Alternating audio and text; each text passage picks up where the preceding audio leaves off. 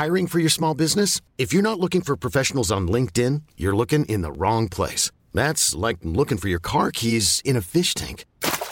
LinkedIn helps you hire professionals you can't find anywhere else, even those who aren't actively searching for a new job but might be open to the perfect role. In a given month, over 70% of LinkedIn users don't even visit other leading job sites. So start looking in the right place. With LinkedIn, you can hire professionals like a professional. Post your free job on linkedin.com slash achieve today. Hei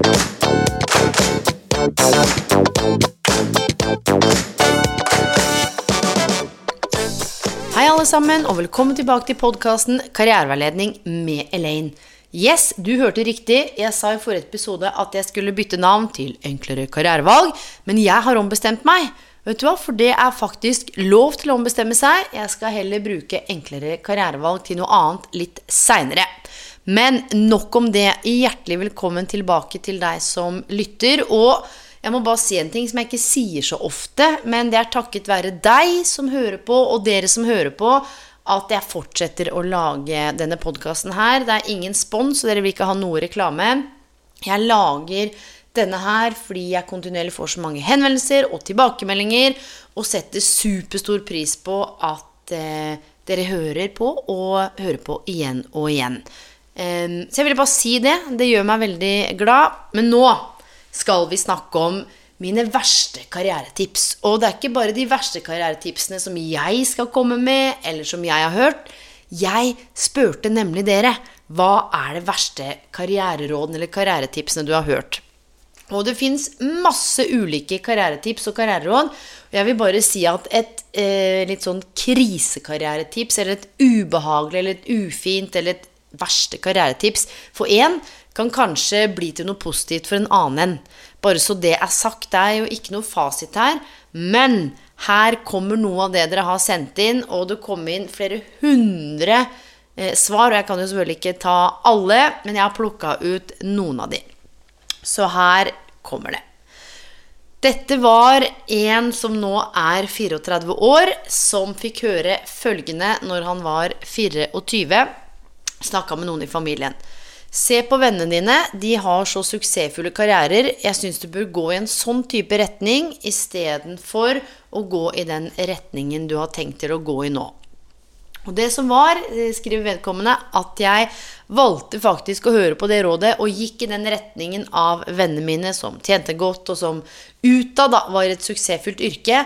Men jeg var ulykkelig i flere år før jeg faktisk valgte å kjenne etter og ja, ta det steget om å gjøre noe annet. Og da da sa jeg ingenting til noen. Da bare gjorde jeg det, for jeg hadde ikke lyst til at alle andres tanker og meninger skulle påvirke meg. Så der har vi ett. Bare gjør det alle vennene dine gjør, så kommer det til å gå bra med deg. Nummer to, det var en som skulle søke jobb, og som snakker med en venninne som sier Jeg tror ikke du bør søke der. Jeg tror faktisk ikke de ansetter sånne som deg. De fleste har jo en master. Det er ikke det at du ikke er smart, men kanskje du skal søke på noe litt annet. Og dette her er jo veldig fascinerende, fordi i jobben min som karriereleder så treffer jeg veldig masse mennesker som har veldig lyst til å søke på mange forskjellige stillinger, men som ikke tør å søke nettopp fordi de mangler det ene eller det andre. Og da har jeg sagt før at her må man se på om det står et krav. Hvis det er et master, tydelig krav, og du kanskje har en master, men ikke innenfor akkurat det de etterspør, så går det an å slå på tråden og høre om masteren din kan komplementere.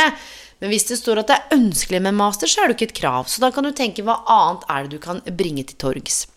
Og da eh, snakket jeg med hun som sendte inn det rådet her, eller det verste, og hun sa det at jeg valgte å ikke søke på den stillingen og følte meg crappy skikkelig lenge. Jeg gikk rundt og følte at ja, om jeg ikke burde legge lista lavere, så ikke jeg følte meg mindre verdt. Og det der skal hun ha alltid plaga meg. Og det er ikke noe eh, stygt om venninna mi, men hun kjenner meg godt og skal egentlig have my back. Um, men det er resultatet at jeg ikke søkte på den jobben, som jeg kanskje kunne ha fått eller ikke. Men det jeg har lært, er at jeg slår på tråden og tar en telefon. Og da finner jeg ut av om ja, jeg må ha en master eller ikke, om jeg kan ha en bachelor, om det er noe annen tilleggserfaring. Um, så når vedkommende vi har snakka litt sammen, har vært på jobbsøk nå, så har jeg i hvert fall tatt opp eh, telefonen og skrev at det der, det satt en sånn liten støkk i meg. Og så eh, er det en annen som skriver at Det var faktisk, og nå blir jeg litt sånn satt ut, en karriererådgiver oi, oi, oi, som sa ehm, du bør ikke gå for det studiet her. Du må heller gå for noe annet. Jeg hørte på Dette er ti år siden, da står det. Jeg hørte på den karriererådgiveren, gikk noe annet, endte opp med å bytte studie fire ganger før jeg fant ut hva jeg faktisk ønska meg. Um, og så er det jo sånn at noen ganger så selv karriereveiledere, karriererådgivere, folk som er profesjonelle, vi, vi, ser jo ikke det hele bildet, eller har jo ikke hele oversikten. Eh, nå snakker vi ti år siden, og jeg er veldig lite fan av, eh, uavhengig av hvem dette er, om noen hører på som er karriererådgivere, så er det jo én karriererådgiver, karriereleder, er jo ikke symptomatisk for alle. Eh, og så er det ti år siden, det har skjedd mye i karriereveiledningsfagfeltet, men når man er i en rolle da, som psykolog, lege, karriereleder, advokat, øh, hvor noen kommer og skal ha en tjeneste, sosionom, sykepleier Det er masse ulike, selv kanskje taxisjåfør. Det er masse ulike yrker hvor man er i møte med andre mennesker og faktisk øh, ikke alltid er bevisst hvor mye makt man har. Hvor mye maktspråk, altså ordenes makt. Vi vet aldri hva slags kontekst eller referansepunkt folk har.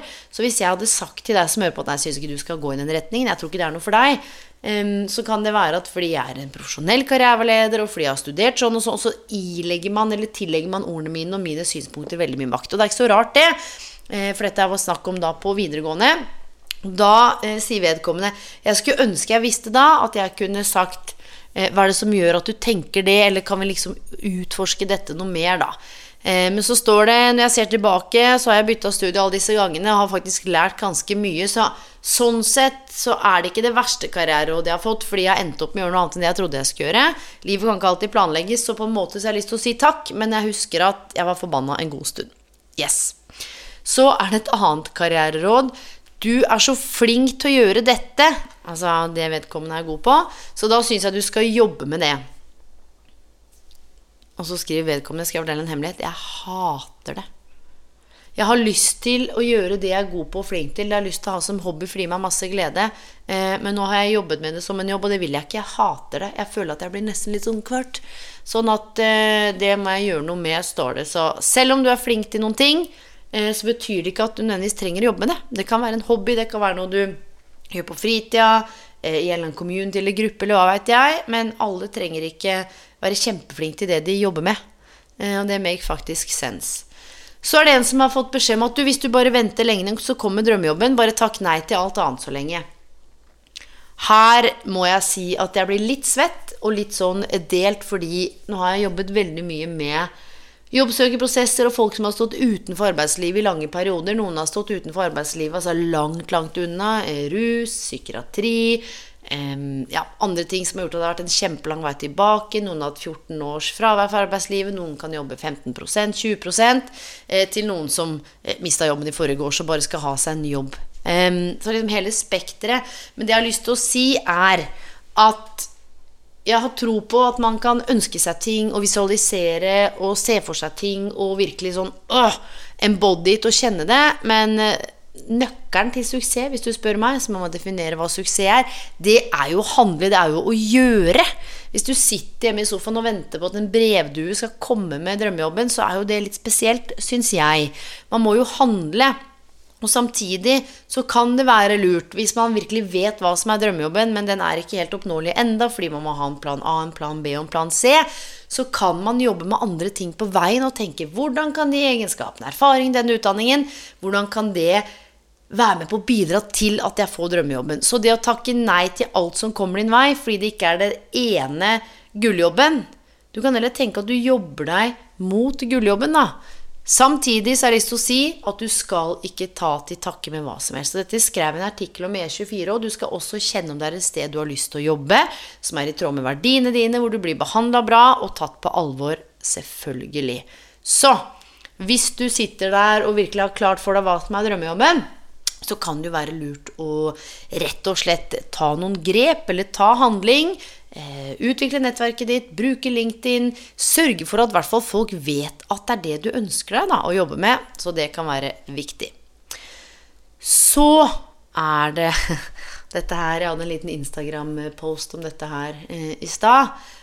Og så er det en leder som har sagt sånn et av de mest sinnssyke rådene jeg fikk, da Altså dette er medarbeideren eh, til lederen, så kommer det med leder etterpå. Et av de mest sinnssyke rådene jeg fikk, det var ikke stol på lederen din. Vedkommende, eller ledere generelt, bryr seg egentlig ikke om medarbeiderne. De er bare opptatt av å tjene penger og strategi og business og båndlinja, så bare aldri stol på lederen din.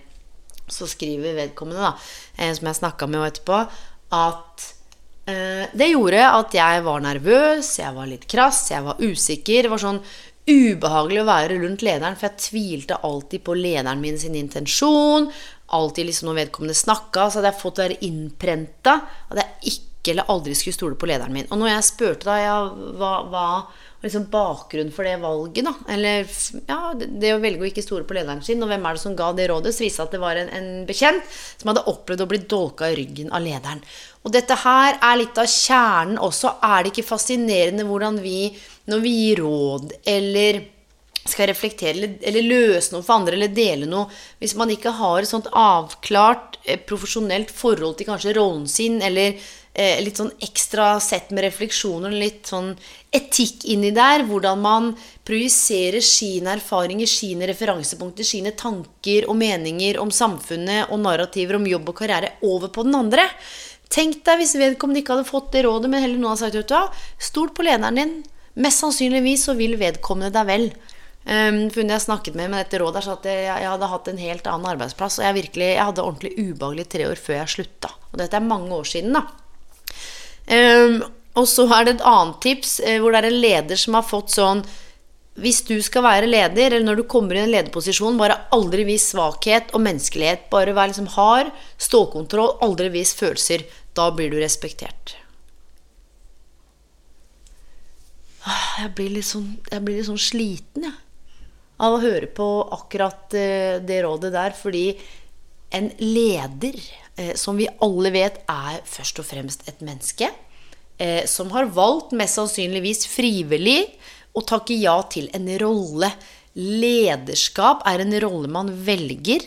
Og en rolle også jeg tenker i stor grad dette min, at man skal også gjøre seg fortjent til. At i den rollen så skal man jobbe med å serve, altså hjelpe og bidra til at de ansatte og medarbeiderne får liksom henta ut alt det de kan være i den jobben, og legge til rette for at man kan gjøre en best mulig jobb i tråd med strategier, selvfølgelig bunnlinja målsetninger. Men en leders jobb handler om å ønske sine medarbeidere opp og frem eh, og forbi. Bare sånn helt eh, satt på spissen og veldig forenkla. Litt flåsete. Men så det å trampe rundt i gangene og være stoneface, det Sikkert noen steder så kan det være lurt, men eh, jeg har jobbet som leder i mange mange, mange år. Jeg kan tenke meg Hvis jeg skulle gått rundt sånn Jeg tror ikke jeg hadde hatt noe godt med meg sjøl. Da betyr det ikke at jeg ligger som et slips over en stol og griner fordi at noen har rota bort en blyant. Ehm, men det er en balanse, da. Men man er jo først og fremst Eller mann, jeg, du, vi er jo først og fremst eh, medmennesker her. Så er det et annet spørsmål hvor det var en som skulle på et intervju, som fikk beskjed om følgende Pass på hva du sier, og det kan være, det kan jeg støtte. Altså Man trenger jo ikke hvelve ut hele livshistorien og skru på krana med de siste ti åra. Husk at når du går inn til intervju, så skal det stå jobbrollen i panna. Om du skal søke deg jobb i politiet, så går du inn i rollen som politi. Er det regnskap, så er det det. Skal du inn i barnehage, så må du ha liksom barnehage Da må du ha det i panna. Poenget er at vedkommende fikk beskjed om at altså, pass på og trene på og fortelle intervjueren bare det de vil høre. Hva er det for et råd, da? Veldig slitsomt å bruke så mye tid på å tenke på hva intervjueren vil høre, eh, før du skal intervjue. Når du ikke har møtt den som skal intervjue deg, eh, kanskje ikke har vært på det stedet, eller nå som ting er digitalt, da. Og så skal du bare fantasere om hva de har lyst til å høre, basert på at noen sier at det er lurt, for det er sånn man på en måte får jobben. Veldig fascinerende, altså. Yes. Um, et annet karrieretips som jeg har hørt veldig ofte. Og senest her for en liten stund tilbake så jobbet jeg med en som også hadde fått denne beskjeden. Og igjen, alt er kontekst. Jeg sier ikke at det er noe fasit, men veldig mange som jeg jobber med, har fått beskjed om at CV-en skal bare være på en side. Og så er man kanskje 40 år, 35 år, kanskje du er 23 år, men du har jobba frivillig, kanskje du har vært i militæret, kanskje du har vært ute og reist, kanskje du har hatt flere jobber. Noe som gjør at du kanskje må begynne å slette ting eller ta bort ting fra CV-en din, eller klemme det sammen med skriftstørrelse 2. Og da lurer jeg på Vis meg den forskningen som sier at du bare kan ha CV-en din på én side. Hva er det for noe BS?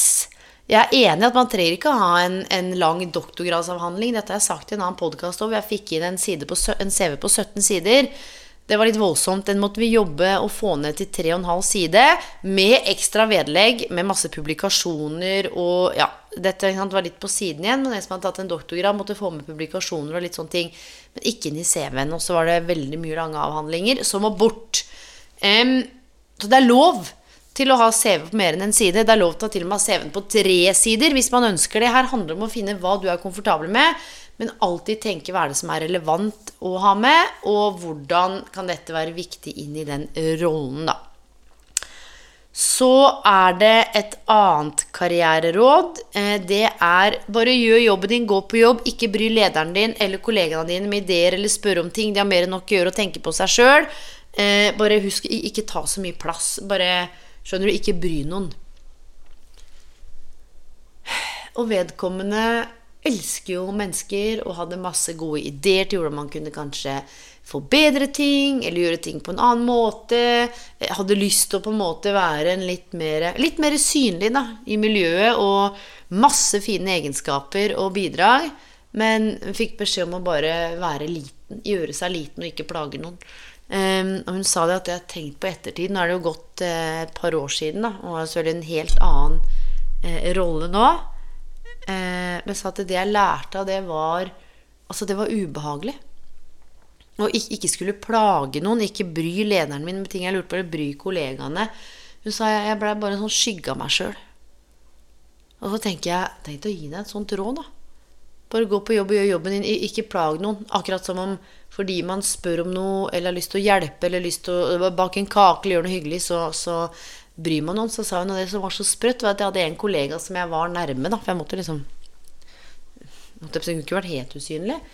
Um, og hun delte jeg liksom tanker og refleksjoner med. Og hun tok det videre, og med det tingene jeg tenkte på som kunne forbedres, og, ja, og så fikk hun all kreden. Og så sa hun, og det sa jeg aldri noe på. Hun tenker at det, det er helt greit, men man skal ha lov til å komme på jobb, være nysgjerrig og spørre og ja, lure. Og også se etter måter du kan gjøre arbeidsplassen og verden til et bedre sted, og faktisk sette ord på det. Men så handler det igjen om da hvordan er det man setter ord på det.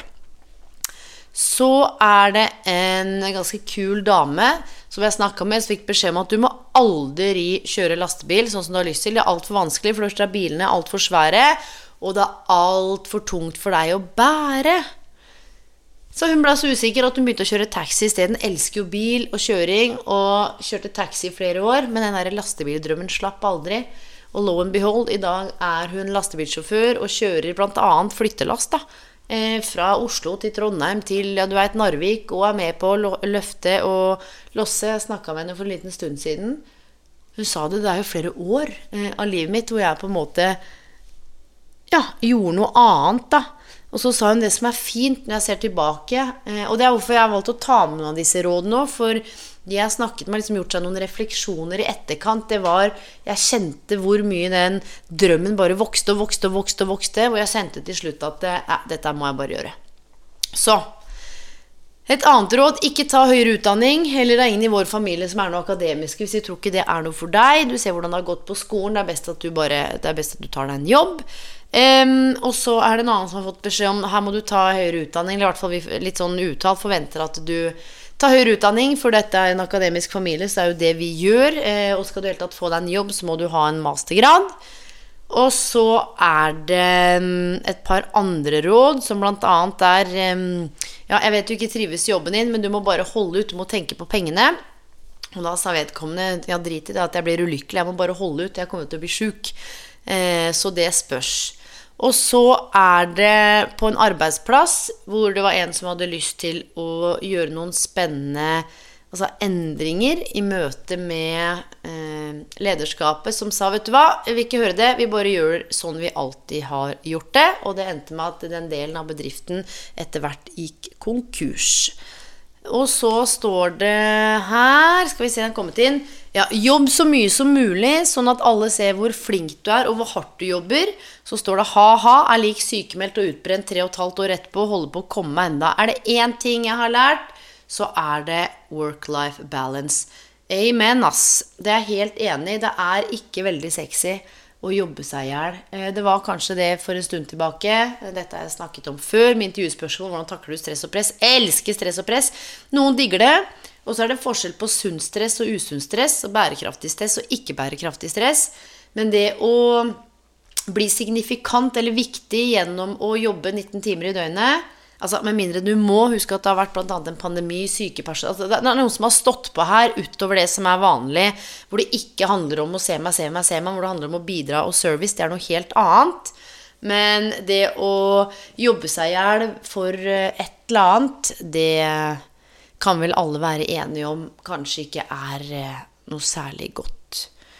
Kan vi se her, og så er det en um, Ja, den her er faktisk fra Adam Grant. Uh, han har ikke sendt inn, altså. Men uh, noen som hadde jobbet eller med han, da.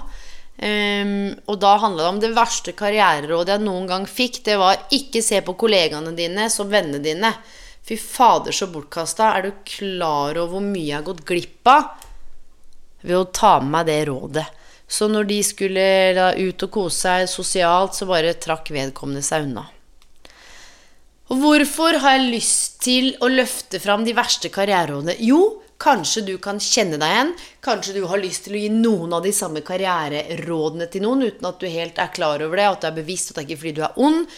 Kanskje dette her kan være med på å skape litt refleksjon rundt at veldig ofte de som gir disse rådene, for man ender opp noen ganger med å bli bitter, er at 99,9 så kommer det fra et godt sted.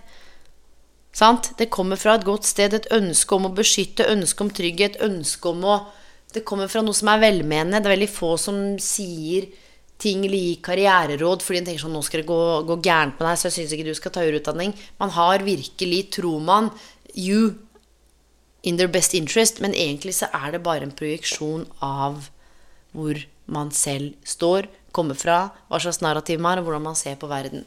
Og jeg er veldig opptatt av, og jeg snakker ikke sånn veldig mye om det i alt jeg gjør, men er det én ting som i hvert fall de jeg har jobbet med, eller alle jeg har jobbet med hittil, eh, sier er en fellesnevner i det, og det er en sånn form for holistisk tilnærming. Og for noen så er det litt sånn woo-woo, men det betyr jo bare at ting er integrert, at karriere ikke kan ses på som isolert som fra de andre områdene i livet som jeg har snakket mye om. Jeg har hatt en episode om spiritualitet, jeg har hatt en episode om livshjulet, om veldig mye forskjellig, fordi alt henger sammen med alt. Og så har jeg lyst til å si at i alle disse karriererådene, eller verste karriererådene, så er det et sånt slags mønster eh, som går igjen, i hvert fall for de som har mottatt disse karriererådene. Og det er at man har gjerne tatt det til seg og gjort noen valg, og så har det gått litt tid, og så har det karriererådet rett og slett vist seg å um, ikke stemme med der en er, da, eller hva en ønsker. Og så har alle, for dette jeg har spurt de som sendte inn, og så har alle gått hen og tatt noen grep, men husker veldig tydelig at dette var det som blei sagt. Og eh, Maya Angelou sier det 'when you know better, you do better'. Så da har man fått en slags bevissthet om at oi, jeg kan faktisk ta høyere utdanning. Så går jeg og setter meg på skolebenken, eller 'oi, jeg må kanskje ikke ha en master for å begynne å jobbe der jeg ønsker å jobbe. Så med det, mine venner, ønsker jeg deg en god kveld, god natt, god helg hvor enn du er i verden, og på gjenhør neste uke. Hei så lenge!